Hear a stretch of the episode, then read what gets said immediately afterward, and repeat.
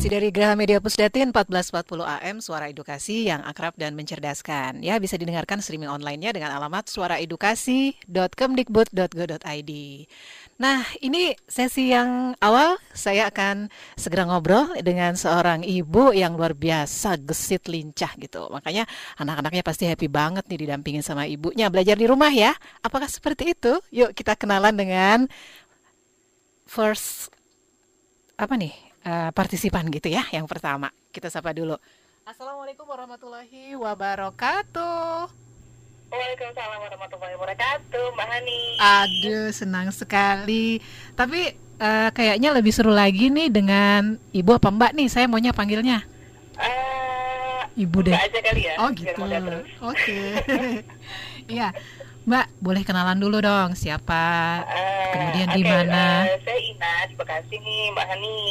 Oh di Bekasi. hmm, Mbak Ina, ngomong-ngomong uh, aktivitasnya sekarang apa nih Mbak Ina? Kenapa kenapa? Aktivitasnya apa nih sekarang? Selain jadi ibu rumah tangga lo ya? Mm -hmm.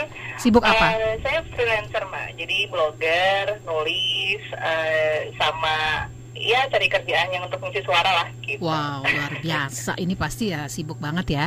Walaupun jagain anak ya. Mbak Ina ya? Hmm, di rumah, sebagian besar kerjaan remote dari rumah gitu. Wah itu keren banget itu dambaan kayaknya ibu-ibu masa kini gitu ya bisa kerja dari rumah gitu kan? ya, Mahmud masa kini. Oke, okay. uh, eh, tapi kan sekarang udah menjalankan berapa lama ini belajar di rumah mendampingi anak-anak? Belajar di rumah itu berarti ini udah masuk bulan kedua mbak nggak kerasa loh bulan kedua ya? Masuk bulan kedua jadi kemarin sebulan full itu yang bikin gregetan deg-degan banget tuh di minggu pertama sebenarnya. Oh apa yang terjadi? Uh, jadi karena kerjaan saya kan freelancer di rumah gitu, uh, misalnya ada orderan apa atau harus nulis artikel segala macam harus segera kelar gitu kan ya. Nah, di minggu pertama itu tentu aja ada penyesalan gitu. Karena hmm. biasanya kalau hari-hari sebelumnya beberapa anak sekolah, saya pulang, masak, ngerjain kerjaan, kalau jemput anak sekolah udah beres gitu ya. Jam berapa tuh Mbak biasanya? Ya, jam jemput anak sekolah jam 12-an kali ya? Jam uh, jam 1 dan jam 2. Oke. Okay. Gitu. Kalau ada ekskul jam 2 pulang gitu. Hmm. Jadi saya punya waktu paling enggak 3 jam 4 jam kan Mbak untuk menyelesaikan pekerjaan gitu. Nah, ketika minggu pertama tuh ya sempat menguras energi emosi segala macam karena uh, harus bagi nih tugas deadline kerjaan harus selesai jam sekian anak-anak harus ngirim tugas ke sekolah jam sekian seperti itu. Jadi itu yang waktu minggu awal sih minggu-minggu pertama kedua yang benar-benar saya harus cari ritme baru ini gimana caranya harus dealing baru dengan segala macam kerjaan di rumah dan di luar gitu mbak Iya ya, jadi yang tiga jam biasanya otonomi kita gitu ya buat ngatur-ngatur deadline kerjaan ini diambil alih sama anak ya. Iya, jadi sempat yang uh, kalau yang gede kan kelas tujuh. Kelas tujuh. Jadi udah lumayan mandiri gitu, jadi udah bisa menyelesaikan uh, apa soal-soal sendiri, udah bisa belajar sendiri. Alhamdulillah. Kalau yang kecil kan masih kelas dua. Nah ini butuh pendampingan banget gitu, hmm. jadi kayak uh, pola belajarnya anakku yang kelas 2 juga uh, cukup berbeda dengan kakaknya. Kalau kakaknya cukup melihat, uh, mendengar, dia udah udah bisa gitu. Kalau adiknya ini uh, kitanya harus benar-benar terlibat gitu, Mbak. Gak bisa tinggal ya? Terlibat gitu. Ada komplain nggak nih dari anak-anak, Mbak? Uh, bukan komplain sih. Uh, mereka lebih kekangen, Mbak. Kangen? Ke teman-teman. Oh. Jadi kalau belajar malah mereka senang belajar, enak belajar di rumah sama bunda ya. Waduh. Oh gitu. iya. Jadi betah ya? Gak tahu kenapa. Gak tahu kenapa. Justru mereka lebih kangen ya, lebih ke situasi apa ya? E, pengen ke sekolah, ketemu teman-temannya oh. bermain gitu. Motivasinya beda gitu ya kalau belajar seruan sama mama bunda gitu ya. Kalau kalau main sama teman gitu. nah, kalau kata yang kecil sih nggak tahu katanya bisa lebih detail apa gimana gitu. Waduh. lebih, lebih, lebih jelas nih bilang seperti itu. Bundanya buka privat aja deh di rumah. Oke, okay, metode belajarnya apa nih, Mbak Ina untuk metode si kecil? Metode belajarnya sih kalau dari dulu uh, uh, belajar dikit-dikit lah Mbak gitu, tentang psikologi anak gitu ya, tentang memahami nih anak belajarnya polanya apa gitu.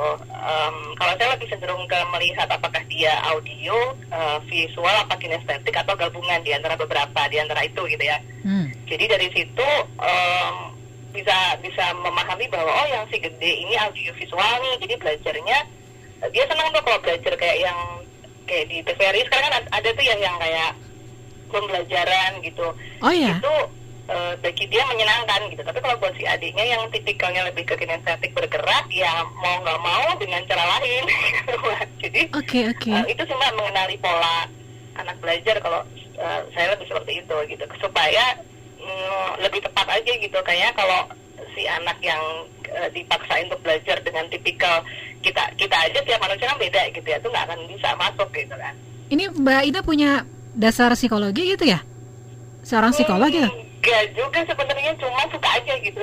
Wow, suka aja ini- dengan Keren banget. psikologi anak dari sebelum menikah tapi justru nggak bukan orang psikologi. Iya jadi niat banget gitu loh mau ngajarin anak di rumah tuh sampai aspek psikologinya dipikirin juga gitu sampai harus biasanya kan guru Karena yang sendiri, ya Karena saya sendiri ngalamin dulu mbak ketika kenapa saya dulu nggak betah sekolah gitu zaman sekolah dulu nih. ah Oh ternyata saya juga tipikal yang kayak si anak saya yang kedua nih gitu sama-sama kinestetik banget harus bergerak eh, eh, apa audio yang kinestetik yang meng- menghafal harus menghafal harus apa sih kata orang Jawa bilang tuh dremimel tuh loh mbak. Oh. Demi mil harus kayak gitu model belajarnya sambil bergerak lah gerakin apa lah gitu.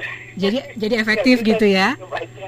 oke nanti eh, oke nanti sebelum saya ngajak kalau si kecilnya ada di dekatnya si bundanya ini boleh ya ikut bersuara gitu. Apalagi yang Gitu, SMP nih. nanti ya. Ya SMP katanya lebih cocok ya kalau yang menyimak gitu ya dan ik- ikut program yang di TVRI gitu kan ya? Jam berapa ya. Biasanya kenapa kenapa kalau ikut program pembelajaran yang di TVRI jam berapa biasanya? Kalau yang SMP agak lebih siang lagi ya. Oh lebih siang oke. sore gitu ya. Iya jadi itu kalau sebenarnya yang SD pagi ya SD tadi jam setengah sembilan ya eh, sekitar pagi tadi ya jadi sudah rutin ya mengikuti pembelajaran yang di TVRI ya di TVRI Iya, dan baik. ada di komunitas on, apa sih di website di aplikasi online itu mbak Oke, baik. Jadi memang ini salah satu produk dari Kemendikbud sendiri yang memang ikut disiarkan oleh TVRI. Kalau mau melihat jadwalnya di tayangan lainnya juga bisa ya, nanti bisa kami berikan infonya.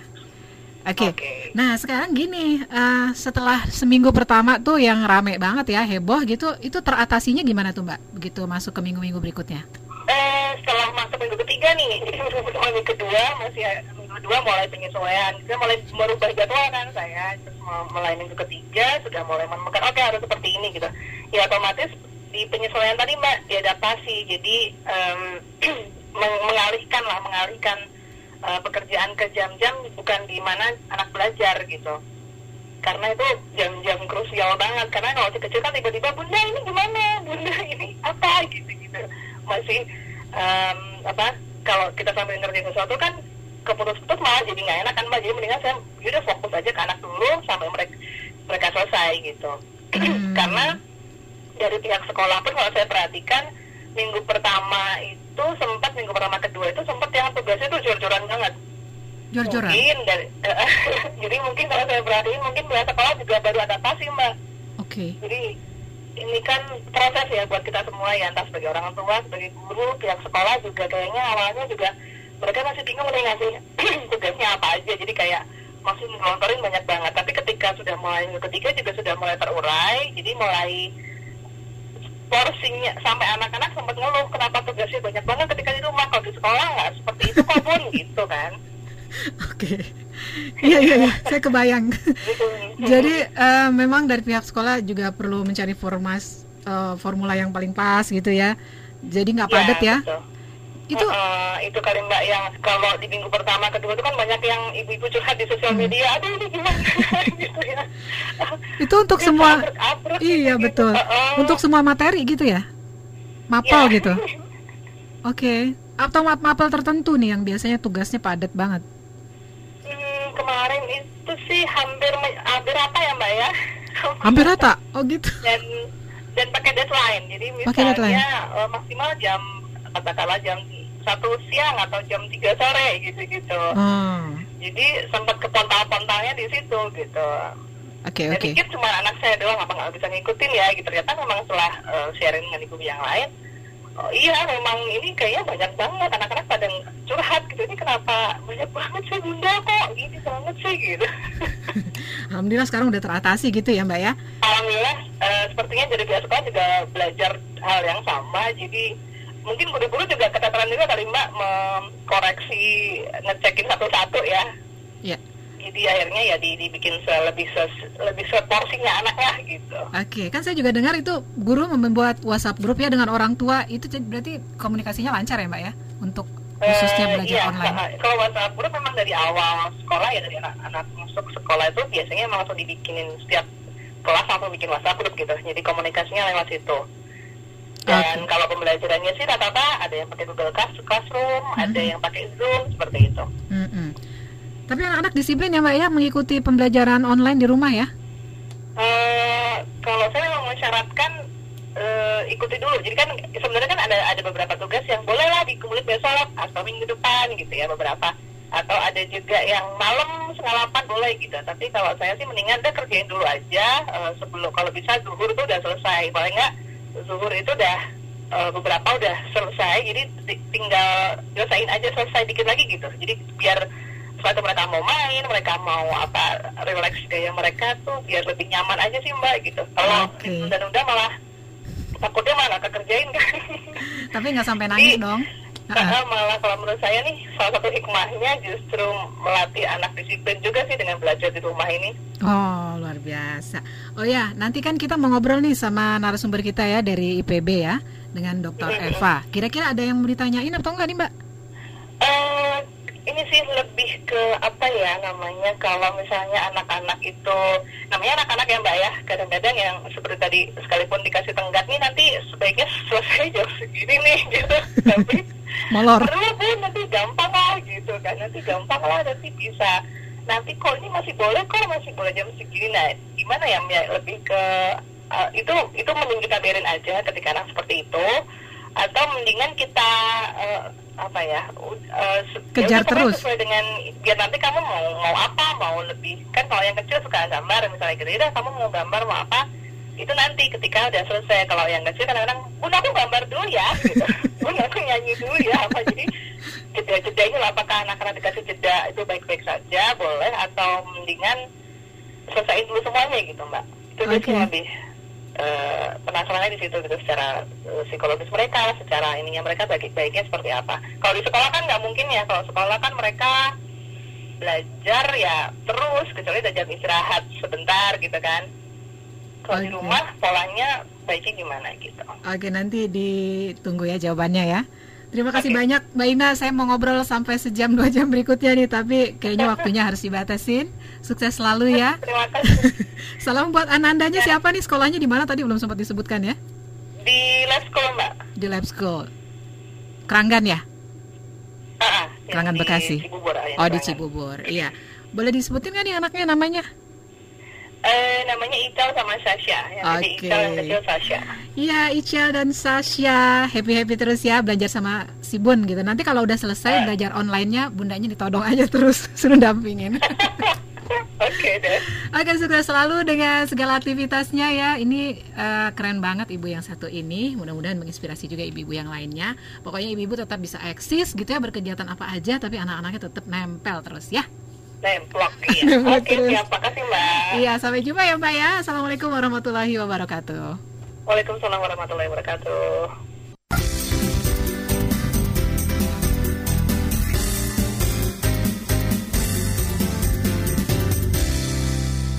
1440 AM Suara Edukasi yang akrab dan mencerdaskan bisa didengarkan streaming online-nya dengan alamat suaraedukasi.kemdikbud.go.id. Jadi hari ini kita masih mengajak ya bunda, kakak, atau ayahnya juga boleh siapa aja deh pamannya gitu yang melihat nih bagaimana aktivitas keseharian di rumah ketika mendampingi anak, ponakan, adik untuk belajar secara online ya. Kira-kira mereka lari-larian ke sana kemari nggak ya? kayak anaknya Mbak Ina tadi gitu ya, yang perempuan nih. Karena memang anaknya tipe yang kinestetik gitu, senangnya gerak gitu. Dan banyak nawar-nawar juga nih. Kira-kira cerita lainnya seperti apakah? Ya, kita akan nantikan komunikasi dengan penelpon berikutnya ya. Halo, Assalamualaikum. Halo, Waalaikumsalam. Nah, ini kayaknya suaranya kakak-kakak nih ya. Boleh dikenalkan dulu nih dengan siapakah? Iya, aku dengan Ayu di sini. Iya, Kak Ayu. Ayu sih ya. Heeh, Kak Ayu di mana nih? Posisinya? bisa. Di Keramat Apa, Kak, Jati. manggilnya? Kak ya? Iya, Kak aja. Di Biar Keramat muda. Jati, oke, di Kak aja. Aku di Keramat Jati, Kak. Ah, ah. Ini Kak Ayu aktivitasnya masih apa nih? Masih kuliah? Anak SMA atau jangan-jangan? Atau apa nih? Oh, no. Enggak, aku kebetulan ini sih, Kak. eh, kerja juga, kerja tapi freelance, memang Mm-mm. sama kuliah. Oke, Sekarang. memang sekarang lagi ngetren itu ya, jadi freelancer, kuliah, pokoknya kita bisa melanglang melakukan banyak hal gitu ya dalam satu waktu. Iya, Kak, pusing-pusing banget sama main susah. iya, ini luar biasa nih. Ngomong-ngomong, Kak Ayu punya adik atau ponakan kah nih yang sekarang ini juga lagi seru-serunya nih belajar online? Eh, di rumah ada adik sih, udah kuliah juga ya. Oh iya, kuliah ada juga ya, tugas online ya? Ada, iya. Ah. Nah, apa saya masa karantina ini aja sih yang paling intens. Oke, kalau anak kuliahan kayak gayanya gimana nih belajar online? Em, apa ya kalau ngelihat ngelihat lihat curhatan anak-anak SMA ya kurang lebih kayak gitu jadi kebanyakan eh, ngasih materi dulu nih ngasih materi tapi materinya tuh bukan kayak telekonferensi gitu kalau di kampus saya ya Eh, jadi eh, benar-benar cuma dikasih eh, materi plus gitu PPT atau apa baca sendiri. Gitu paling cuma beberapa dosen aja yang yang kuliahnya tuh pakai telekonferensi. Malam-malam kan saya kelas karyawan kelas karyawan paling dari jam 8 sampai jam 10 malam. Yang kayak gitu tuh kayak tele- tele- telekonferensi ada yang kasih materi doang ada. Habis itu nanti eh, tugas dalam seminggu harus selesai kayak gitu. Oke, biasanya paling apa ya? Paling oke gitu, paling disukai itu yang metode yang mana nih? Yang dikasih materi aja, PPT atau yang paling teleconference? Ya belajar. Ya, apa tuh Oke. Kak Ayu? Eh, aku lebih prefer baca sendiri sih sebenarnya karena eh, memang kan dosen kadang-kadang mobilitasnya udah terlalu banyak gitu jadi udahlah nggak apa-apa kalau emang nggak ada telekonferensi kalaupun ada telekonferensi eh, sinyalnya kadang-kadang yang suka lepas jadi udahlah yang penting materinya padat saya baca sendiri gitu itu yang ngerjain tugas eh, based on materi itu aja Gitu ya. Tapi biasanya deadline-nya tuh suka terpenuhi nggak sih kalau dikasih tugas sama dosen? Ketahui seru. Ah, kakak iseng. Eh, kadang-kadang iya. Ah, Kadang-kadang. ada ada kadang-kadangnya kayak lupa. Eh, misalnya pas lagi kerja gitu kan udah udah mulai kayak kayak semalam ada deadline tugas apa gitu terus pas banget last minute itu udah untung banget alhamdulillah selesai gitu jadi kalau lagi nggak lupa saya selesai tapi kalau lagi ingat dari seminggu kurang dari seminggu malah selesai gitu Tapi biasanya ada toleransi nggak nih dari dosen ada ya? Toleransi ya? ada ada Ada. Oke, bedanya nih kelas online sama tatap muka di kampus gitu apa nih? Plus minusnya kalau menurut Kayu? plus minus tatap muka kalau tatap muka itu lebih bebas nanyanya dan pertama banget eh, itu nggak terkendala sinyal jadi Oke. kalau ada apa namanya komunikasi antara siswa sama dosen itu tuh lebih intens eh, Mhm. lebih akrab juga gitu. Kita bisa saling kenal eh, terus nggak nggak apa ya nggak terlalu banyak bahasa basi sementara kalau di online kan eh, gerak kita udah lebih luas ya dalam arti gini.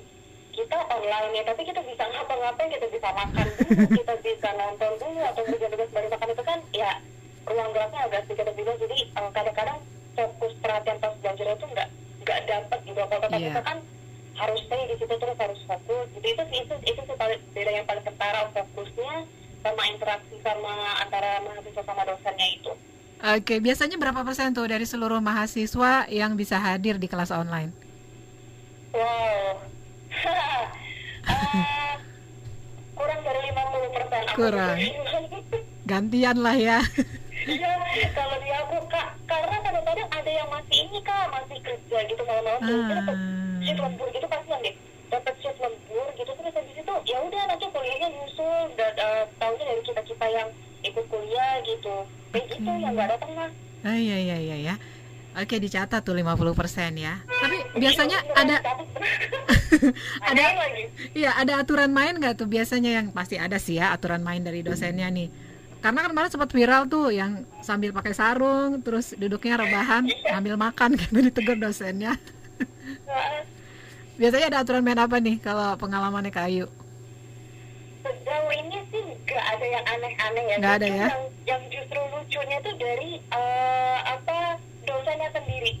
Jadi kan eh, sebagian besar udah pada punya keluarga ya. Jadi anak-anak lari-larian, gitu istrinya mulai nanya apa ini ada di mana mesin atau ada apa ya suaminya lagi nanyain apa gitu kedengeran gitu. Jadi oh. kan, kan gak mungkin dosen mute ya. Biasanya kan mahasiswa aja gitu yang mute. Lagi giliran bicara nyalain. Kalau nggak lagi giliran bicara biar gak nyaru. Itu kita matiin. Tapi kalau Waduh. dosen kan nggak. Anaknya teriak-teriak kita dengerin gitu. Atau siapa manggil gitu kita kedengeran. Ada gosip di belakang tuh kita tahu. Jadi kita oh, udah nggak gosip aja gitu di belakang terus eh lu kedengeran gak ini gitu Waduh, kita ini, aja udah. luar biasa ya ini. Aturan sih ya. Ini dosennya pada tahu apa enggak ya?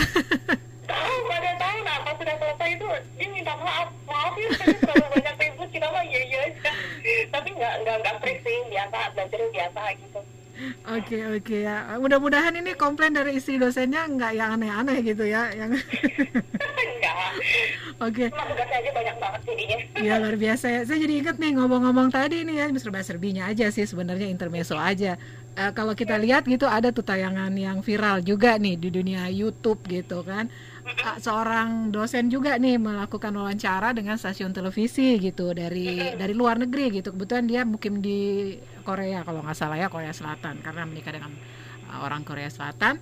Kemudian dia sedang sedang memberi sedang melakukan wawancara dengan televisi internasional. Kemudian anaknya yang masih balita masuk gitu dengan nada oh riangnya. ya itu ya ya itu video lucu banget Kurang lebih kayak ya, gitu. apa gitu Oke, oke. Jadi seperti itu ya, ya terjadi juga sekarang ya. iya kejadiannya sekarang pas lagi wabah ya lucu banget Iya ya. Tapi mudah-mudahan sih tetap efektif gitu ya hasil pembelajaran online-nya ya kak ya. iya. Ada yang mau ditanyain nggak nanti nih sama narasumber kita nih, Dokter Eva dari IPB dari Fakultas Fakultas Ekologi. karena saya belum berkeluarga jadi mungkin kalau sekarang saya belajar belajar doang nanti kalau ada apa-apa ya jadi bekal aja kalau punya anak di masa depan. Tapi aku stay safe Oke baiklah, terima kasih banyak ya Kak Ayu ya. Ngobrol-ngobrolnya kapan-kapan dilanjutin ya kalau kita punya tema-tema yang kayaknya eh, seru banget nih ngobrol sama Kak Ayu gitu ya. Oke, makasih banget. Terima kasih juga Kak Ani udah ngobrol-ngobrol sama kita kita di sini. Iya seneng banget gitu denger pengalaman-pengalaman yang kita nggak nyangka gitu. Oh gitu ternyata kejadiannya ya di lapangan ya. Iya, udah mulai aneh-aneh. Ah, ah, nurut-nurut aja ya sama dosennya. Iya, Mudah-mudahan. selalu. Ah, ah, Biar mudah-mudahan. Ah, ah, mudah-mudahan ini eh, kemelut COVID-19 segera berlalu ya Kak Ayu ya. Kita- Amin, kita amin. sama-sama Semoga, berdoa. semoga semuanya jadi normal lagi. Semua pada sehat-sehat semua di rumah. Iya, baik. Sampai jumpa di Iya. lain kesempatan ya Kak Ayu ya. Sehat-sehat Iya, selalu. Dah. Ya, sampai jumpa, kakak. Iya, Assalamualaikum warahmatullahi wabarakatuh. Waalaikumsalam warahmatullahi wabarakatuh. Suara Edukasi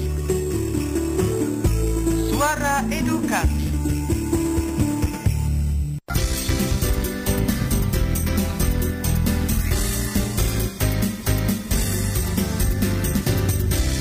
Masih dari Graha Media Pusdati 1440 AM Suara Edukasi yang akrab dan mencerdaskan. Nah, sekarang kita masih ada ya ini partisipan eh, sambil nanti kita mencoba menghubungi narasumber utama kita nih ya hari ini. Kita sapa dulu. Assalamualaikum warahmatullahi wabarakatuh. Waalaikumsalam warahmatullahi wabarakatuh. Aduh, kenalan dulu ah dengan ibu siapa? Ini atau mbak siapa maunya dipanggilnya? Eh, kakak juga boleh. Oh kakak, baiklah kakak. Oh iya, Kak Aiza. Enggak, ah, nggak pantas ah Mbak aja deh. Mbak Aiza, tapi sudah memiliki ini ya anak ya, Mbak Aiza ya? Mm-mm. Mm-mm. Oke. Pesantren. Oh gitu, jadi nggak perlu didampingi? Nggak juga ya, Mbak Aiza kalau anaknya di pesantren berarti kan di pesantren sekarang gitu ya? Oh enggak. Oh, tetap, enggak. eh, tetap dipulangkan juga Oke. dengan eh, sekolah sekolah yang lainnya. Oh jadi sejak awal ada peraturan eh, isolasi di rumah, anak-anak yang di pesantren juga dipulangkan gitu ya Mbak ya?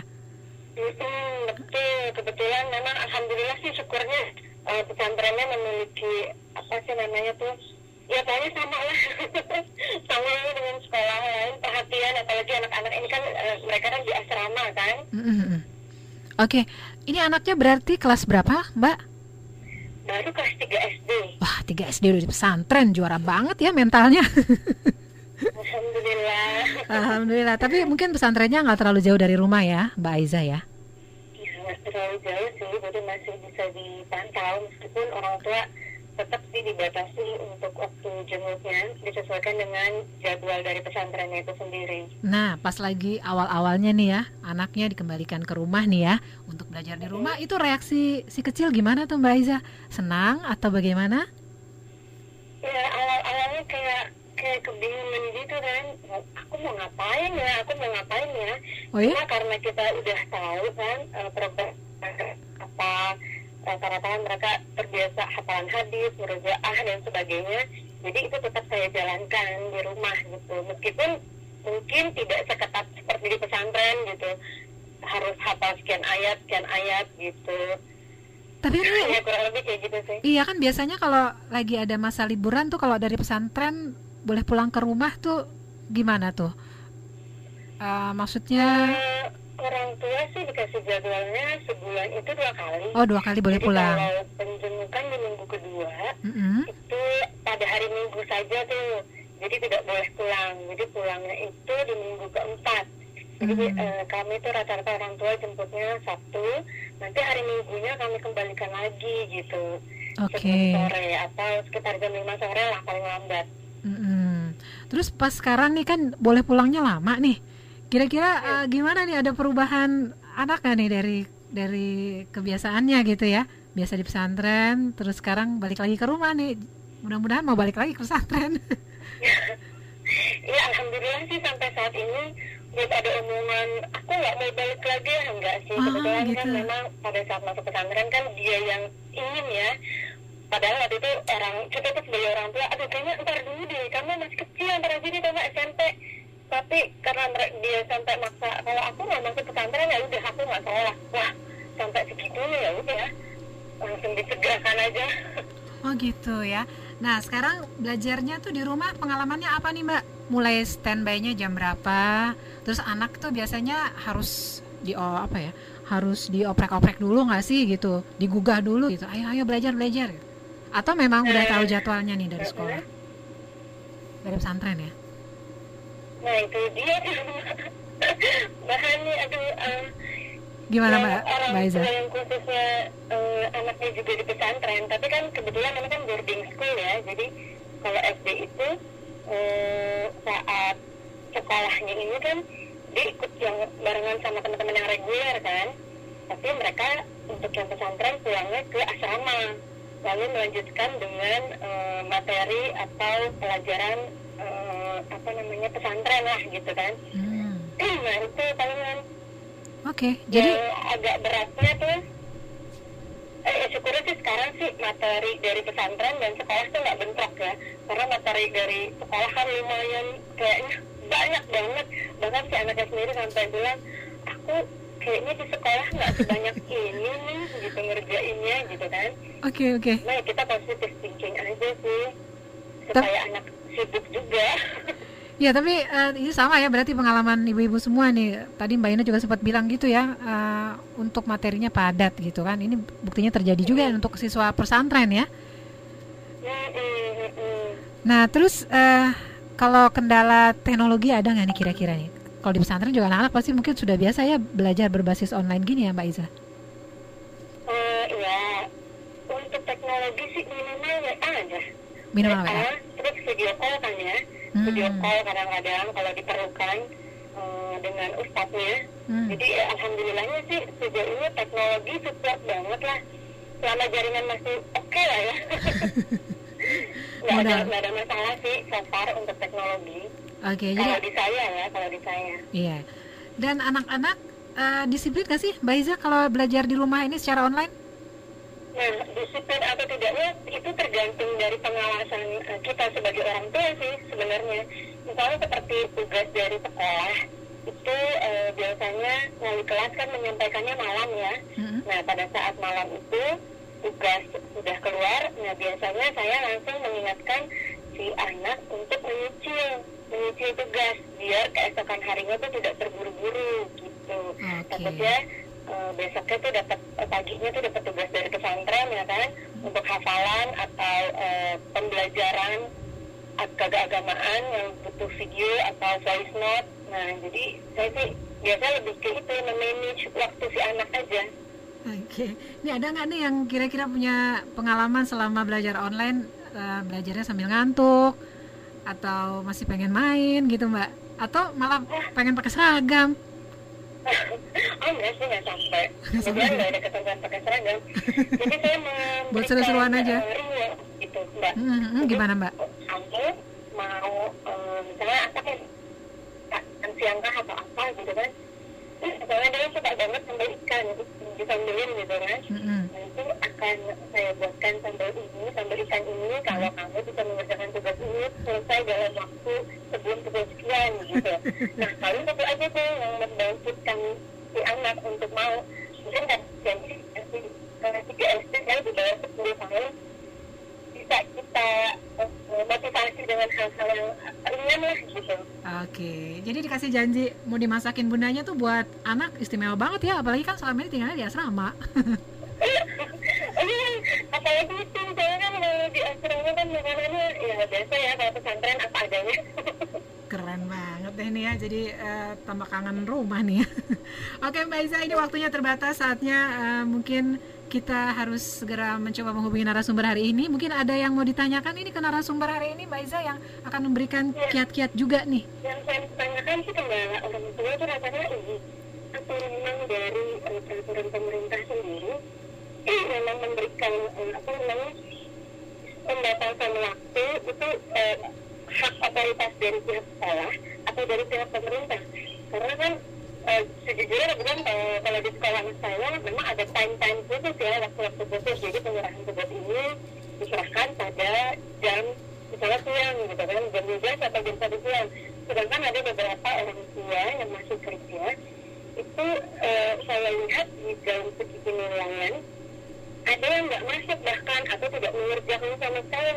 Jadi kayaknya iba gitu ada rasa iba saya sebagai eh, ibu juga terhadap teman-teman anak saya yang orang tuanya memang kebetulan kerja dan tidak bisa mendampingi atau eh, apa namanya tuh intinya tidak bisa mendampingi anaknya untuk belajar lah.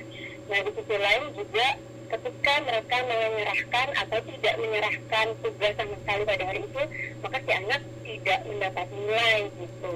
Itu sih Oh. kendalanya. Oke oke baik ya. Mudah-mudahan nanti eh, kita juga bisa mendapatkan jawaban dari narasumber kita ya, Mbak Iza ya. Iya. Iya. terima kasih. Padahal saya mau ngobrolnya lebih lanjut nih, gini masih pengen penasaran gitu, nanya-nanya. Sampai jumpa di lain kesempatan. Ditunggu ya nanti jawaban dari narasumbernya. Kita masih akan lanjutkan wawancara sampai pukul 12 nanti. Oke Mbak Iza sehat-sehat selalu. Salam buat si kecil siapa namanya? Rasa. Raisa. Raisa? Eh, rasa. Oh oke. ya salam buat si kecil. Sehat-sehat selalu. Happy selalu ya belajar di rumah bersama Bunda ya panggilnya ya. Umi, oh iya bersama Umi. Oke, dah Umi sayang. Sampai jumpa di lain kesempatan ya. Assalamualaikum warahmatullahi wabarakatuh. Waalaikumsalam warahmatullahi wabarakatuh.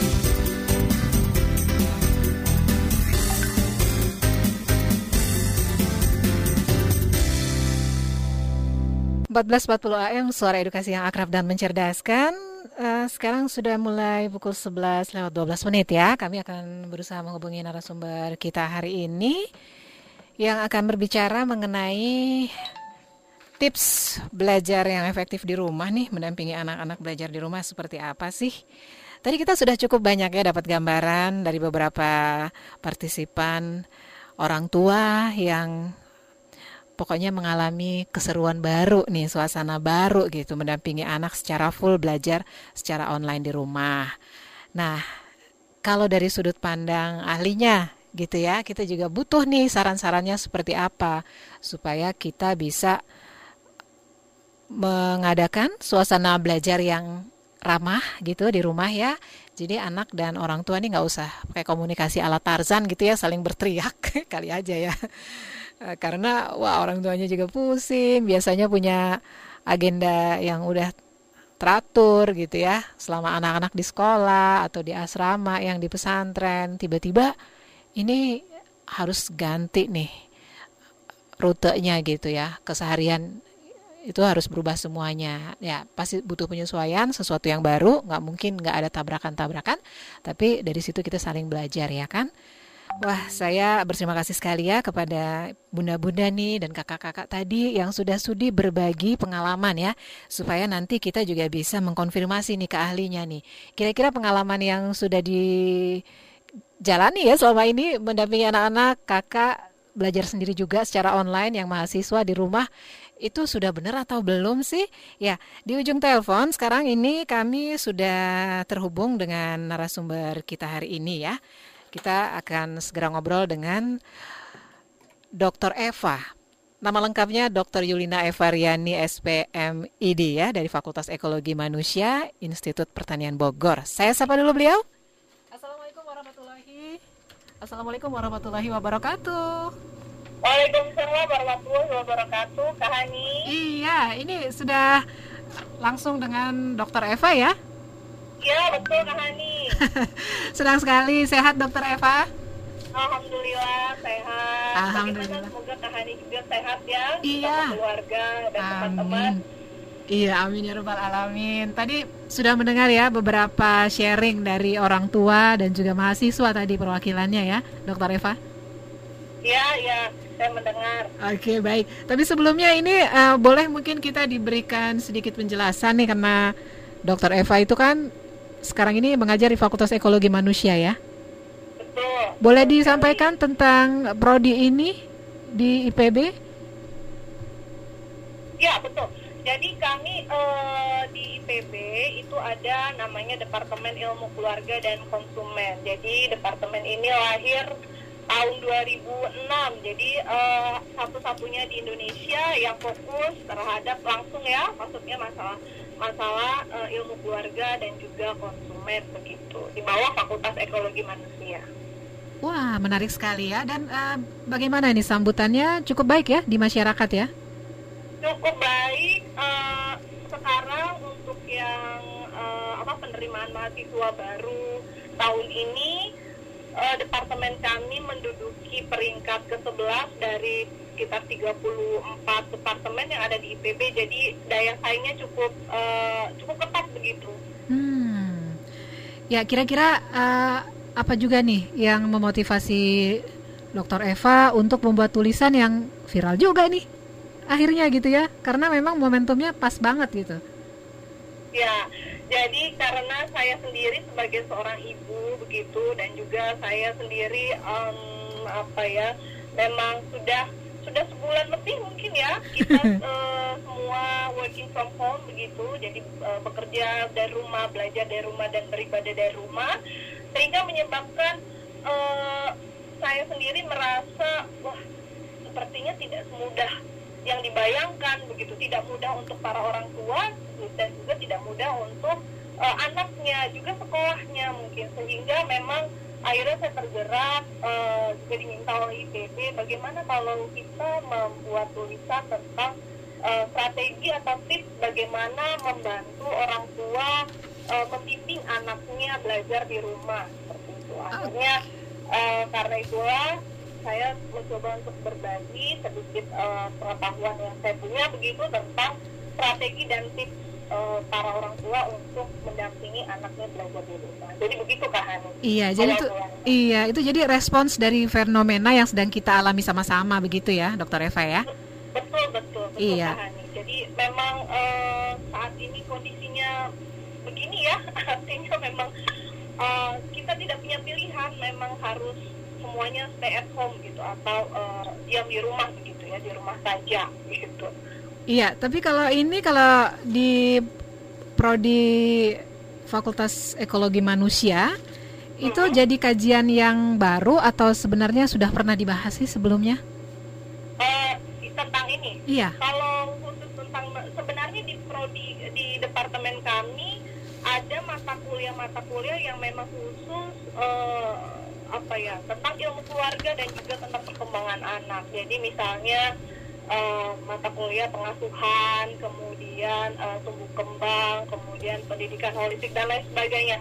Akan tetapi di mata-mata kuliah itu kami membahas tentang eh, berbagai apa ya eh, berbagai teori dan informasi tentang eh, pengasuhan dan pendidikan secara umum, tidak spesifik tentang bagaimana mendampingi anak di rumah begitu. Iya, baik.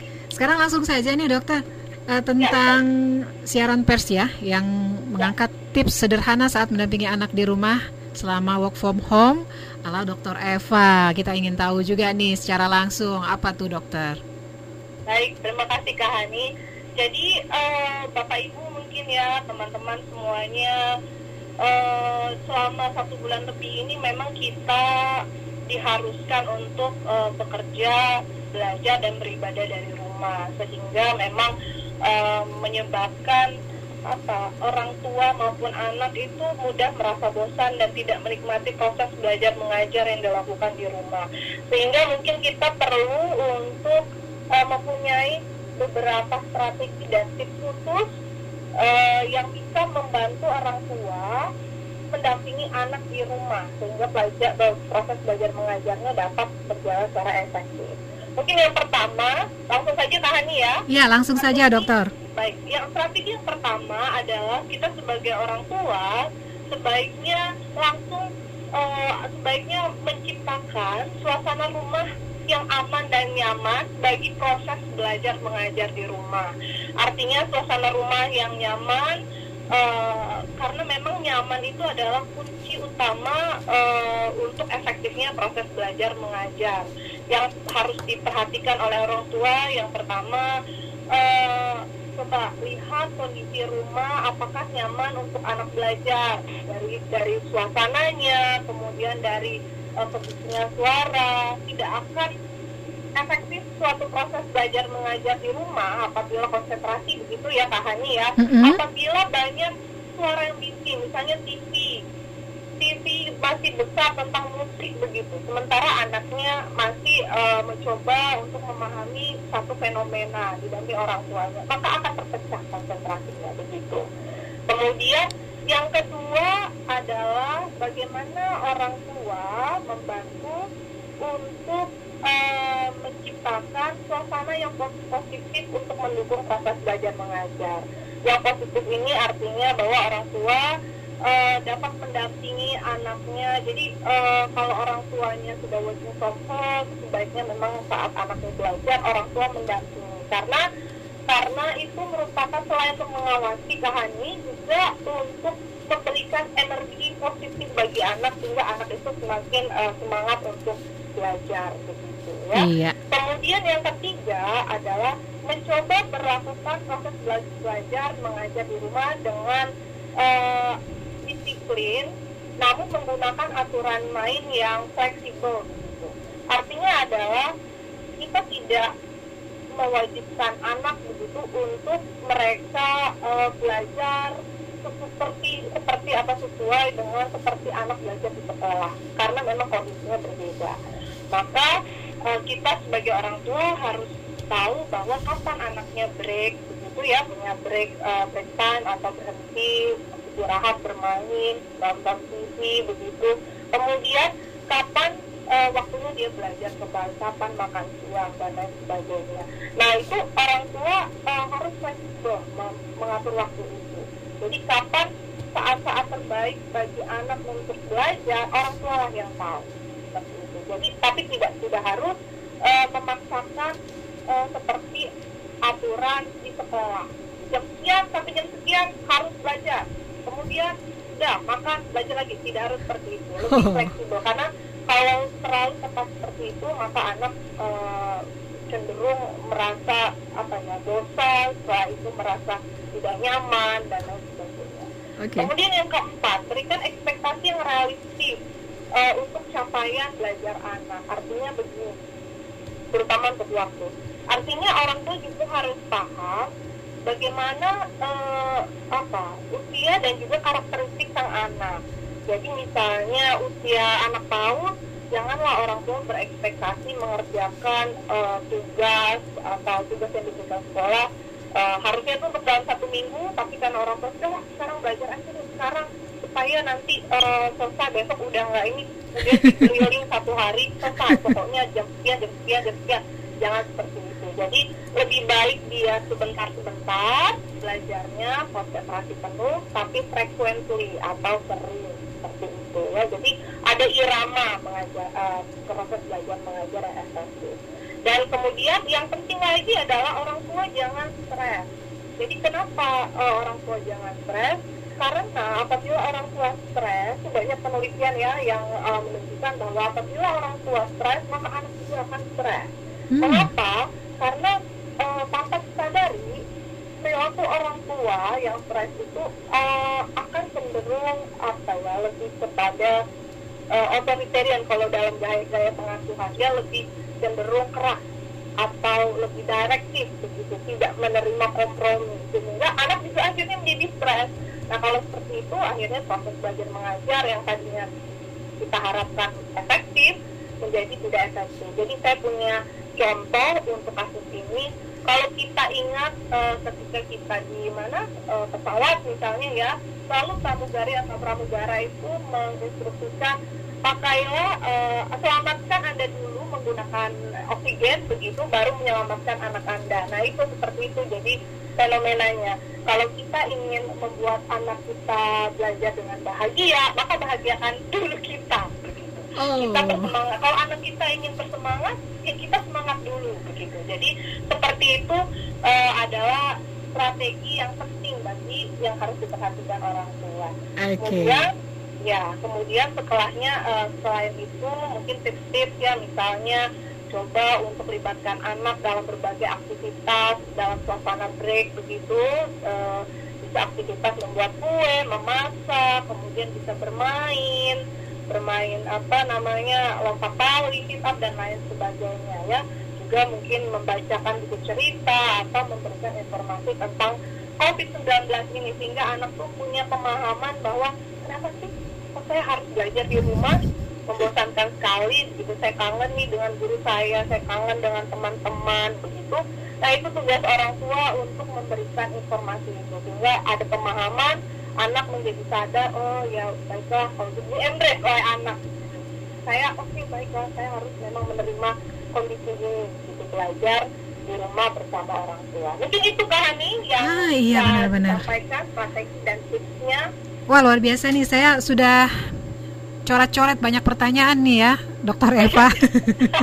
Silakan ya. Mungkin saya mulai dari tips yang pertama tadi ya dokter ya soal kenyamanan ya. lingkungan tuh harus diciptakan. Saya jadi nyesel nih tadi nggak sempat nanya gitu sama bunda-bunda yang tadi ikutan sharing di sini gitu. Apakah menyambut anaknya belajar di rumah full gitu ya?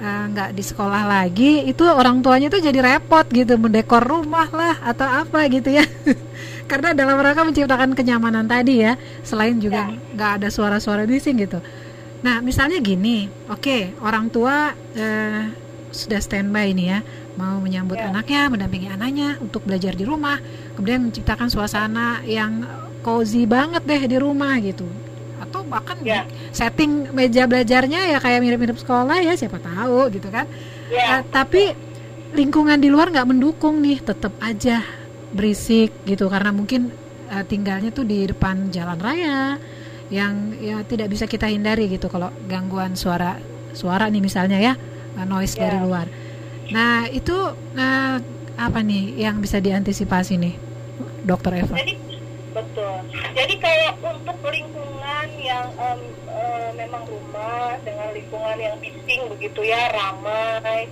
memang uh, sebisa mungkin kita upayakan untuk menciptakan suasana yang nyaman untuk belajar. Misalnya kalau memang ada kamar, tadi seperti yang Kak Hani sampaikan, sudah disiapkan untuk anak, oke okay, ini kamar diubah atau ruangan lain untuk memang belajar begitu.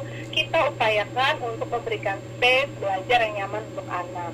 Namun uh, apa namanya kalau memang tempat bising kita juga yang kedua bisa atur waktu yang tepat. Misalnya saat suasana yang tidak terlalu ramai. Contohnya misalnya tidak harus kalau pagi belajar uh, bisa sekali karena tetangga misalnya masih bangun rumah baru rumah gitu misalnya ya. Nah maka kita cari waktu yang tepat misalnya setelah maghrib itu agak hening begitu sehingga bisa membantu uh, anak untuk belajar uh, dengan efektif di rumah kemudian uh, atau kalau untuk yang sudah usia remaja bisa menggunakan earphone atau headset ya untuk mengurangi suara bising di rumah. Tetapi untuk kasus-kasus tertentu yang memang tidak memungkinkan sama sekali untuk menyediakan suasana yang nyaman maka metode belajar ya belajarnya yang harus diubah. Misalnya belajar dari TV begitu saat ini kan uh, sudah ada tes RI ya kan mm -hmm. ya ya betul belajar dari rumah begitu atau mungkin eh, bisa juga dengan bereksperimen bersama dalam memahami misalnya sains, matematik atau bahasa bisa dengan menggunakan cerita atau ya lain sebagainya. Jadi kalau pun misalnya eh, tidak memungkinkan belajar secara apa eh, sendiri begitu, maka memang harus metodenya yang eh, dirubah. Jadi orang tua memang harus apa ya kreatif begitu Kak Hani mungkin. Oke, jadi banyak lah ya yang bisa diantisipasi harus harus lincah orang tuanya nih cari solusi gitu ya. Betul, Ngatur betul. waktu. Jadi orang tua tuh harus apa ya? Standby ya, Dokter Eva ya. Iya, Mm-mm. betul. Kalau perlu beli alat-alat eh, ini nih apa untuk memfilter suara yang bising yang nggak diperlukan. kalau memang orang tuanya mampu begitu ya boleh. Tapi kalau memang eh, tidak bisa sebenarnya memang kita itu eh, manusia ya pada pada dasarnya. Bisa berkonsentrasi bisa bisa kan? Berkonsentrasi dengan kondisi Oh. dan situasi yang tertentu begitu. Tapi memang eh, apa kemampuannya berbeda-beda. Oke, oke, oke. Jadi dikondisikan bisa dilatih ya. Misalnya kita dalam situasi yang bising sekalipun, walaupun kita biasanya nggak nyaman belajar dalam kondisi bising, tapi kalau kita latihan fokus konsentrasi tetap bisa belajar ya. betul betul oke. harus dilatih Kak Hani, Harus ya. dilatih ya. Betul. Tuh latihannya gimana, di mana, sama siapa tuh? sama siapa? kita membiasakan diri Oke. Eh, mm-mm. Iya Jadi, baik. eh, ada pepatah alat bisa karena biasa gitu ya kalau memang sudah terpaksa sekali begitu Iya. ya eh, memang harus dibiasakan Iya. seperti itu Nah. oh sedapat mungkin kita ya Mm-mm. intinya adalah ya sedapat mungkin kita upayakan namun kalau memang tidak bisa sama sekali orang tuanya kreatif atau eh, membiasakan gitu eh Iya. berarti apa di, di, Diajak apa, ya? terima gitu Oke. Oke, kita iya.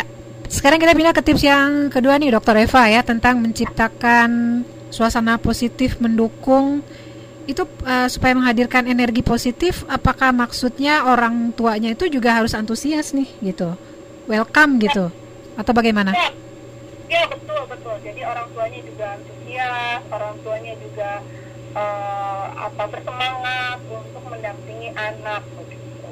Iya. Jadi kalau orang tuanya tidak apa ya tidak tidak semangat begitu atau tidak antusias untuk mengajarkan mendampingi anak anaknya juga pasti akan males-malesan begitu. Itu itu eh, ininya apa namanya memang memang kebiasaannya seperti itu begitu.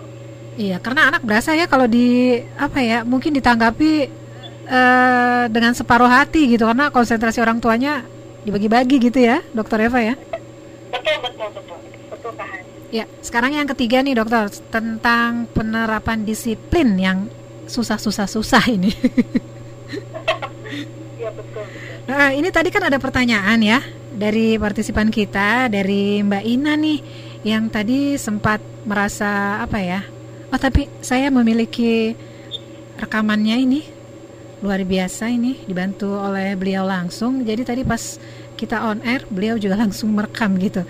Jadi nanti bisa didengarkan langsung nih dokter ya. Ada pertanyaan dari Mbak Ina atau Bu Ina dari Bekasi ya. Ini dia. lebih ke ini mbak. Jadi kalau misalnya si anak ini nanti dulu aja bun. Kan nanti juga selesai. Ntar ntar ntar, ntar aja deh nunda nunda gitu. Nawar nawar nanti aja jam segini ngerjainnya. Bisa kok cepet. Padahal kalau dikerjain juga cepet selesai. Cuman kalau tipikal si Sasha ini ntar dulu gitu. Nanti bisa kok gitu. Itu gimana mbak hmm, menyikapinya mendingan kita biarin aja atau nanti dia juga ngerjain dan selesai sebelum deadline-nya atau em, em, kita ramungin dulu tuh semua semua pekerjaan sekolahnya sebelum nanti dia kalau misalnya pengen melakukan hobinya. Nah itu pertanyaannya dokter Eva targetnya orang tua beda-beda nih kalau sama anak. betul itu betul banyak sekali tuh kasus seperti itu ya jadi memang anak-anak memang cenderung seperti itu. Kalau bisa nanti kenapa sekarang?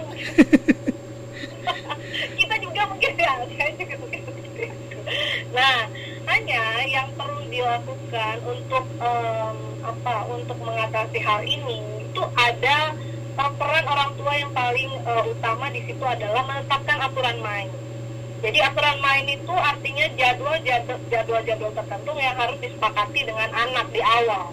Jadi eh, kita tetap me- apa? Kita tetap mengakomodir kesukaan anak ya. Misalnya dia eh, "Ntar dulu deh bu, ini em, nonton film Sesame Street belum selesai. Atau benar dulu deh bu, eh, ini main game online-nya belum selesai. Nah, itu tetap kita akomodir. Nah, maka kita perlu itu aturan main. Artinya kita sepakat dengan anak.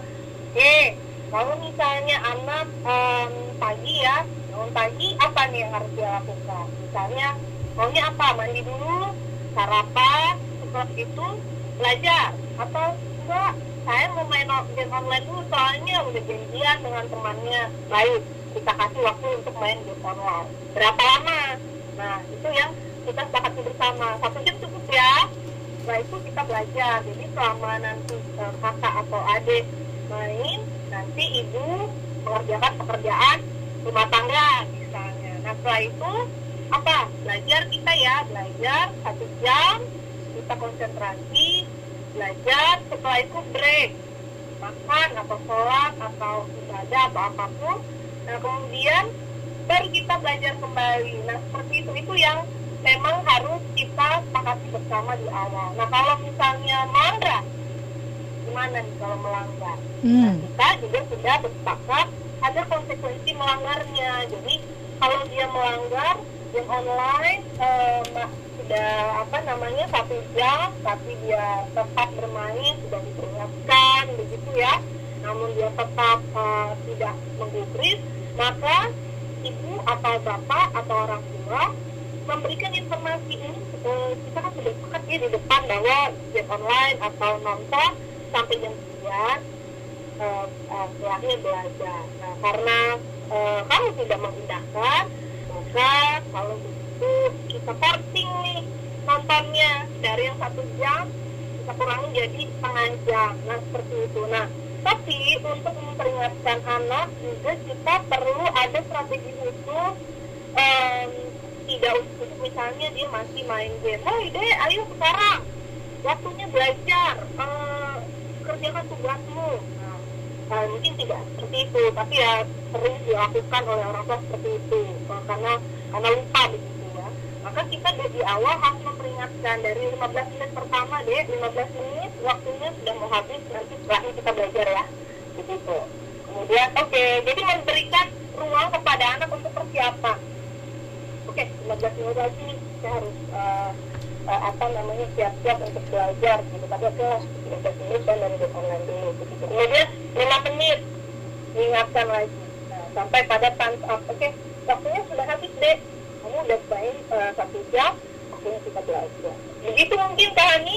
Oh iya, jadi eh, seperti itu. Jadi eh, ini harus ada saling tawar menawar gitu, ada bergaining gitu ya, dan Betul. kesepakatan. Kalau untuk remaja, bahkan bisa di kita buat kontrak begitu. Kontrak kontrak kerja, kontrak belajar. ditandatangani gitu ya pakai materai. Ya, ya jadi win-win solutionnya seperti itu. Kalau remaja kan lebih enak ya diajak bicaranya. Jadi bisa kita eh, apa namanya di depan eh, saling apa win-win solution. Win-win Ada take and solution. give begitu. Hmm. Memang harus di eh, terkadang untuk waktu-waktu tertentu harus kita terapkan yang seperti itu Kak Hani. Iya ya, jadi orang tuanya tuh mungkin juga ini eh, butir yang keempat ini kan nyambung ya soal stres ya. Eh bukan Oh, betul. ekspektasi ya. Ekspektasi dan juga akhirnya melahirkan stres itu. Mungkin karena orang tuanya saya ngebayanginnya nih, ini kan mungkin di WhatsApp grup orang tua nih, ini teman-temannya udah pada nyerahin eh, tugas gitu ya. Aduh anakku kok belum bisa jadi orang tuanya juga ikutan stres ya. Betul betul Kak Hani. Heeh. Nah, jadi memang gimana caranya nih memanage stres itu luar biasa gitu ya. Butuh butuh apa nih kelapangan hati dari orang tua juga gitu. Ta- Iya. Tadi saya kaget bukan kaget sih sebenarnya ya. Gimana, Dok? Ya. Jadi Kak Hani, sebenarnya stres orang tua itu banyak kan.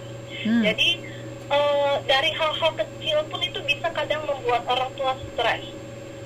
Jadi kalau misalnya tadi Kak Hani menyebutkan salah satu eh, penyebab stres, ya anak-anak yang lain udah pada ngumpulin ya, oh yang eh, anak saya belum, begitu ya. Nah kemudian ada ada juga yang eh, misalnya orang tua stres, ini rumah kok karena work from home, sama study from home, rumah saya berantakan terus ya, bolak balik saya nyapu beres nah itu juga bisa tanpa disadari orang tua eh, dia juga stres seperti itu atau kerja rumah tangga yang overload?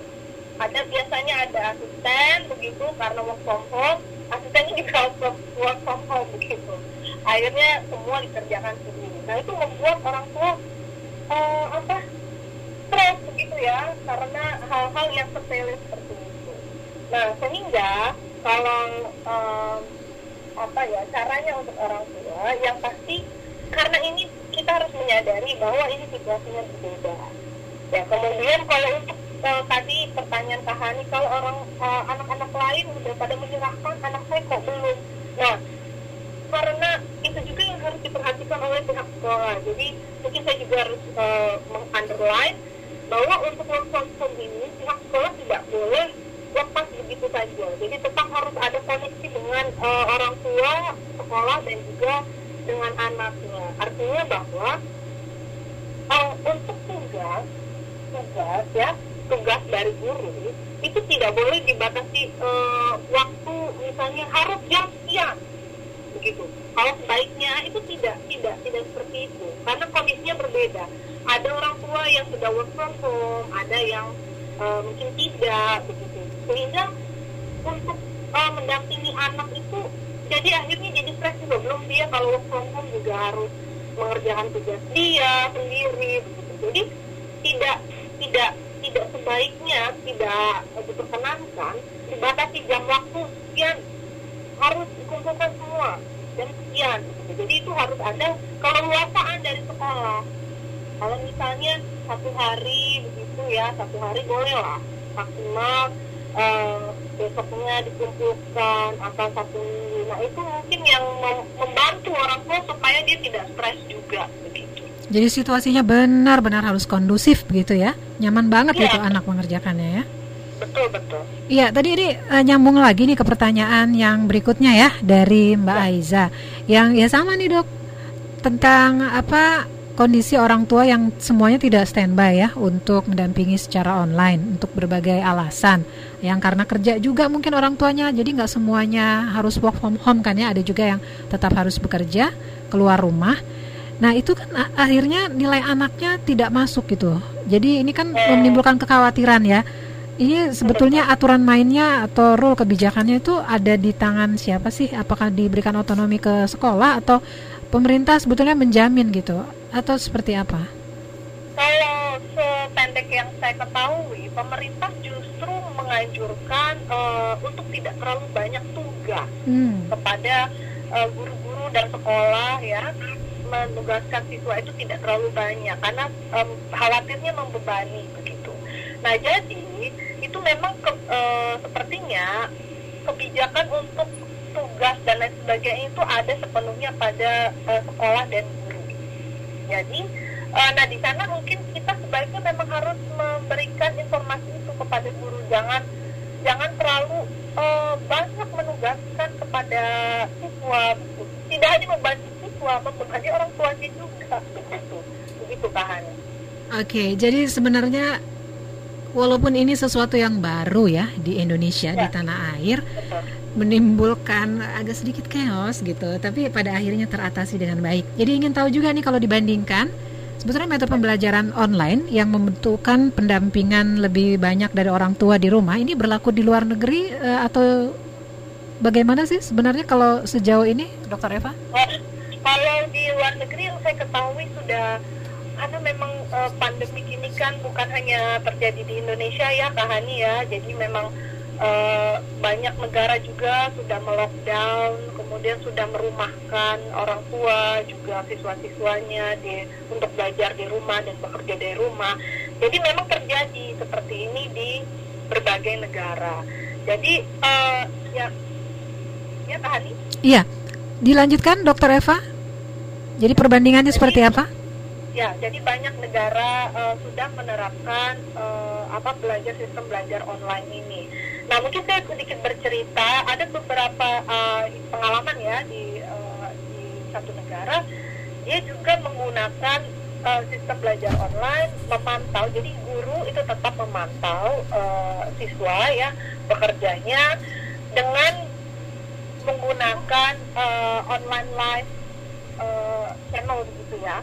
Jadi setiap jam tertentu kemudian gurunya online menjelaskan bla bla bla bla. Kemudian sampai anaknya eh, apa siswanya eh, ikut serta dan lain sebagainya. Tapi tidak membebani dengan banyak tugas Oke. ya, jadi kewajiban siswa standby melihat gurunya eh, terutama untuk anak-anak yang usia eh, usia kecil gitu ya anak eh, SD ke bawah itu melihat gurunya mengajarkan begini begini begini kemudian sudah jadi eh, siswanya udah attend sudah mengikuti it begitu. Kemudian ada juga yang eh, diberikan tugas tapi tidak terlalu banyak ya tidak membebani begitu dengan metode eh, apa ya menggunakan apa software-software tertentu atau aplikasi-aplikasi tertentu yang saya ingat ada satu misalnya eh, kelas dojo gitu. Saya bukan eh, endorse ya ya. Iya, iya. tapi misalnya seperti itu yang sudah diterapkan yang melihat eh, siswanya sudah mengerjakan eh, ini eh, kemudian sudah dianggap sudah selesai begitu jadi kalau yang saya pahami di kita itu gurunya eh, ya termasuk dosen juga memberikan tugas banyak tak, banyak sekali. Kemudian ya kumpul sekarang wah bingung siswanya sama orang tuanya akhirnya jadi kebingungan Iya, jadi artinya eh, orang tua di rumah itu tidak jadi tiba-tiba berubah profesi jadi guru gitu ya. Orang tua tetap orang tua gitu ya. orang tua tetap orang tua yang mendampingi begitu Iya, kalau tadi kan kebanyakan kita mendapatkan sharing dari kaum ibu ya, kaum perempuan ini, para ibu yang mendampingi anaknya secara langsung belajar online gitu. Kemudian eh, ada juga perwakilan dari mahasiswa, gitu, mahasiswi. Nah, kita pengen dengar juga nih kalau eh, dari perwakilan suara bapak-bapak itu sebetulnya ikut terlibat nggak sih untuk mendampingi anak belajar online gitu ya, Eh, Dokter Ya. Eva? Sekarang kita ada koneksi juga ini terhubung dengan seorang bapak nih. Kita sapa dulu ya. Assalamualaikum warahmatullahi wabarakatuh. Waalaikumsalam. Iya, silahkan eh, memperkenalkan diri dulu dengan Pak siapa nih Pak? Oh ya, saya dengan Roni. Bapak Eh, Roni. Roni. Oh iya Bapak Roni. Pak Roni di mana Pak? Eh, tempat tinggal saya di daerah Cinere. Di Cinere. Boleh tahu Iya. eh, ini Bapak ikutan work from home atau tidak nih Pak? Iya, udah work from home dari tiga minggu lalu. Eh, Bu, Iya. Oke tadi mungkin sudah sempat menyimak ya beberapa obrolan kami ya. hmm, Iya. Kalau pengalamannya Pak Roni gimana nih? Bapak tetap asik mungkin dengan aktivitasnya sendiri kerja di rumah atau terlibat mendampingi anak juga nih bersama Bunda? Iya, saat ini sih saya banyak terlibat juga karena eh, memang kalau dari rumah ya saat ini pekerjaan eh, basic saya di, di bank ya selama ini bekerja gitu. Nah, selama bekerja dari rumah eh, otomatis kegiatan di rumah tuh jadi lebih padat gitu ya dibanding waktu kerja di kantor karena eh, di samping saya tuh ada anak yang lagi sekolah dari rumah juga setiap pagi saya coba nyiapin untuk eh, dia harus checking sama teman-teman dan gurunya. Nah setelah itu eh, selama masa tugas mengerjakan tugasnya atau materi yang diberikan guru saya juga mendampingi juga karena uh, istri ada kegiatan lain untuk menyiapkan apa namanya menyiapkan uh, makan dan lain-lain. Gitu jadinya uh, sebetulnya sih ya banyak terganggu karena kalau kita udah mulai disiplin ya untuk bagi waktunya semua sih lancar-lancar aja. Cuma kadang-kadang anak itu suka banyak bertanya hal-hal yang mungkin dia nggak ngerti. Sedangkan kalau sekolah kan bisa dijelasin gurunya. Sedangkan kalau di rumah eh, saya harus membagi waktu dan ada extra effort untuk coba memahami juga nih pelajaran yang dulu. Kita pelajari itu seperti apa sih gitu. Kurang lebih kayak gitu jadinya. Eh, kegiatannya sebetulnya makin sibuk tapi makin seru juga. Karena jadi lebih banyak tahu kegiatan anak tugas-tugasnya terus eh, perkembangannya jadi saya bisa pantau setiap hari. Kurang lebih kayak gitu. Wah, jadi ini malah positif ya reaksi dari Iya. Pak Roni gitu ikut terlibat mengajarkan anak, belajar lagi. Yang betul yang tambah seru lagi perjalanan saya biasanya dari rumah ke kantor itu memakan waktu satu jam lebih ya. Eh, sekali jalan gitu dari rumah ke ke kantor atau sebaliknya nah dengan eh, saat ini WFH eh, effort untuk sama ini harus jalan ke kantor satu setengah jam itu saya pakai buat olahraga anak sore gitu jadi dibanding dari ke kantor ke rumah satu setengah jam saya saya bisa main bulu tangkis sama anak atau uh, melakukan kegiatan-kegiatan lain yang uh, mengolah fisik lah gitu kita bisa bisa olahraga bareng-bareng yang sama ini nggak pernah kejadian gitu Oke. Ada pertanyaan mungkin yang mau disampaikan ke Dokter Eva, Pak Roni? Ya, Pak Roni. ya Ya, mungkin ada pertanyaan yang mau disampaikan ke Dokter Eva? uh, ke dokter ya Ya, ke Dokter Eva. Dokter Eva, iya. Bukan dokter ya. Dokter Eva ya, dokter. ya, beliau dari Pak Pak Roni positif sekali ya, memang eh, baik sekali. Iya, Jadi, wah, sudah ada panggilan azan. Bagian peran ya Pak Roni antara suami dan istri dalam mendampingi anak patut diapresiasi Pak. Oke, eh, ini jarang-jarang terjadi atau sebenarnya seharusnya terjadi nih pelibatan langsung dari ayah ya, yang biasanya sudah berbagi tugas nih sama ibu. Ya kalau mungkin eh, kalau tidak ada working from home pelibatannya eh, ayah ya begitu ya Kak Hani mungkin agak minim begitu. Tapi karena memang kondisi dan situasi yang mengharuskan kedua orang tua berkolaborasi, akhirnya jadi ada pembagian peran di sana antara ayah dan ibu dan itu merupakan satu hal yang positif begitu. Jadi saya sangat mengapresiasi eh, apa yang dilakukan oleh Pak Roni terhadap eh, istri dan juga eh, anaknya begitu ya membimbing anaknya di rumah. Karena memang seharusnya seperti itu Kak Hani. Jadi eh, beban beban eh, membimbing anak kemudian eh, rumah tangga begitu. Apalagi tidak ada ya tadi saya sebutkan tidak ada orang lain yang membantu di rumah begitu. Memang harus dibagi antara eh, eh, ayah dan ibu. Kalau tidak kalau hanya menumpuk ke ibu saja nah itu khawatirnya ibunya menjadi stres menjadi stres kemudian eh, eh, ibunya lagi yang mendampingi anak Ibu lagi, ibu apa, lagi. belajar mengajar menjadi tidak efektif anak juga jadi takut akhirnya jadi eh, kok eh, belajar dengan ibu eh, tidak menyenang tidak lebih menyenangkan eh, dari belajar dengan guru ya nah, itu, itu Oh iya, tidak betul. mau gitu Seringkali ada rasa tidak percaya gitu ya. Ah, ah enggak maunya sama guru aja gitu ya, Dokter Eva ya. betul. Jadi beruntung dong tadi anaknya eh, Mbak Ina ini ya, Sasha malah seneng belajar sama bundanya. bundanya bakat jadi guru juga, multi talent. Oke, baik eh, kita sudah hampir sampai di penghujung acara. Ini mohon kesimpulannya dari Dr. Eva. Mungkin juga harapan dan juga pesan untuk orang tua, untuk semua yang terlibat mendampingi anak-anak kita belajar dari rumah. Baik, terima kasih Kak Hani. Jadi eh, kalau saya mungkin hanya apa sedikit saja, kita kita tidak tahu em, kita tidak tahu ya Kak Hani ya kapan wabah pandemik ini akan berakhir juga di Indonesia begitu. Harapannya sih segera begitu ya. Jadi kita juga tidak tahu eh, kapan karena kan trennya eh, working from home ini diperpanjang diperpanjang begitu ya. Tapi kita tetap berdoa semoga segera berakhir begitu.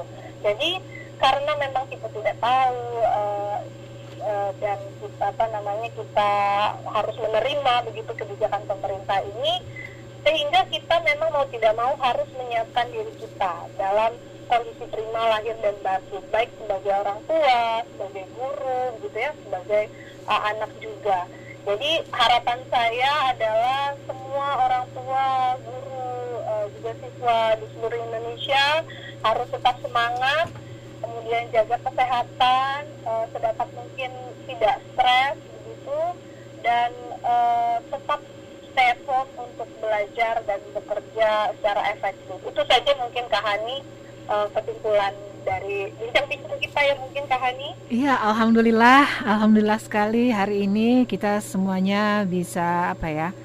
ngobrol santai, diskusi, berbagi, saling memotivasi, menginspirasi. Mudah-mudahan ya, Dokter Eva ya. Dan Ya, mudah ya, mudah-mudahan juga ada sisi positif yang tertinggal dari kebijakan seluruh dunia untuk kita semua sama-sama berjuang dan berdoa dari rumah uh, untuk uh, mengatasi ujian dari Allah ya berupa Betul. wabah COVID-19 Betul, ini.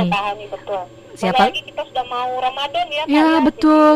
Siapa tahu akhirnya nanti setelah situasi kembali normal, keterlibatan orang tua untuk mendampingi anak belajar jadi lebih banyak lagi ya, Dokter Eva ya. Betul, betul. Jadi hal yang positif yang eh, jadi untuk tidak stres tadi kita balik. Jadi jadikan ini sebagai momen mempererat interaksi keluarga. Begitu mungkin Kak Ani. Iya, terima kasih banyak Dokter Eva. Nanti kalau ada artikel-artikel baru lagi yang menarik gitu ya untuk bisa kita diskusikan, boleh ya kita ngobrol-ngobrol lagi di udara. Siap, siap. siap, Oke. Hani. Terima kasih banyak Kak Hani dan Iya. juga semuanya. Iya, kami yang lebih berterima kasih. Sehat-sehat selalu, Dokter Eva.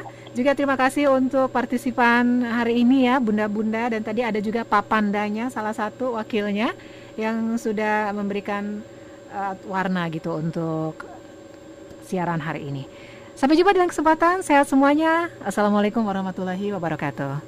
Waalaikumsalam warahmatullahi wabarakatuh. Iya. Baik sahabat edukasi, sudah jam 12 tepat hari ini saatnya saya Hani beserta kru yang bertugas mohon diri. Produser ya, para produser ya ada Mbak Mira, ada Mas Indro, kemudian kru yang juga membantu juga untuk tim promosi lainnya. Mudah-mudahan apa yang kita obrolkan hari ini membawa manfaat ya untuk kita sama-sama saling menguatkan di tengah uh, situasi yang memprihatinkan hari ini, tapi tidak boleh membuat kita jadi patah arang. Insya Allah apa pun yang bisa kita upayakan, kita optimalkan, dikerjakan dari rumah dengan penuh keikhlasan hati, akan membuahkan hasil yang efektif, optimal, positif ya. Oke, sampai jumpa di lain kesempatan. Dah, dokter. Dokter. Dah, dokter Eva. Ya, saya pamit. Assalamualaikum warahmatullahi wabarakatuh.